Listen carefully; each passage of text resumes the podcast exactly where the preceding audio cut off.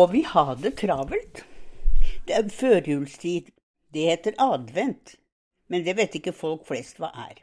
Bortsett fra dette med de fire lilla julelysene i staken, eller fire kubbelys i granbar på fatet. At advent har med å vente og forberede, nærmest faste, og se frem til middagen på selve julaften, se det er helt fortrengt. Julen slutter på julaften. Da er vi overmette på pinnekjøtt og ribbe. Vår moderne jul starter fra midten av november.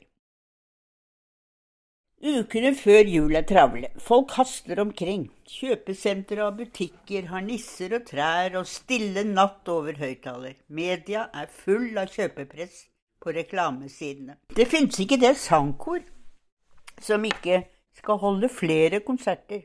Det er ikke den syklubb, hva nå det er, som ikke skal ha julelunsj.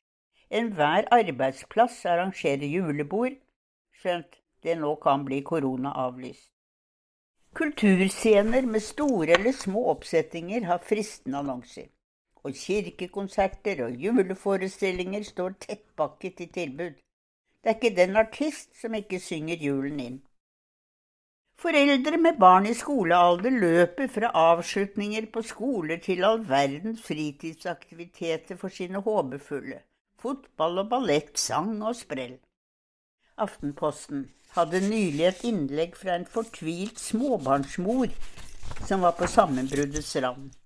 Hun var så stresset av alt hun som mor måtte være delaktig i. Så er det jo slik at mødre og fedre er jo i full jobb, med de sosiale forventninger de har til også der å delta med kollegaer på diverse juletreff. Jeg antar at mødre, mer enn fedre, feirer dette fellesskapet med tanker og samvittighet helt annet sted.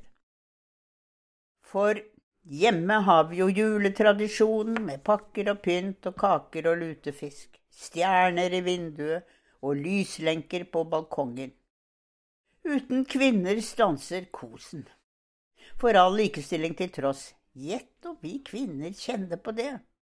Dette kan bli til et lite sammenbrudd, som Ebba Hasselund skrev bok om i 1975. Fortsatt, i 2021, kjenner altså moderne kvinner på førjulstidens uopphørlige, tunge forpliktelser.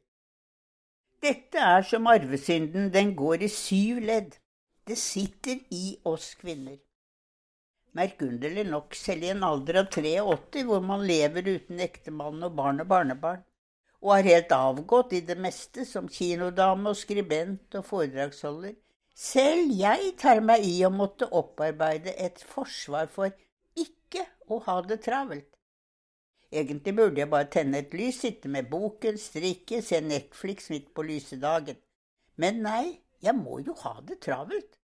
Gode venninner baker og sylter og lager hjemmemarmelade. De finner frem til riktige leker og sportsutstyr og pysjamas til sine pårørende.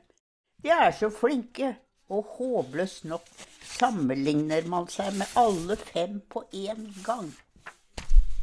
Ebba Haslunds bok leste jeg som yrkesaktiv og småbarnsmor i 1975.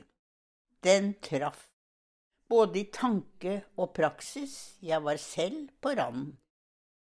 Nå forteller mine unge kvinner rundt meg at de har det likedan. Fedre er blitt bedre fedre, men like fullt julekvinner og julemødre i 2021 julestresser like meget som Ebbe Haslund for 46 år siden. I skrivende stund råder det usikkerhet om hvor nedstengt og innestengt og hvor koronarammet vi blir hver for oss, og hvor mye elektriske lys vi så kan tenne. Da får vi det i hvert fall mindre travelt. God advent.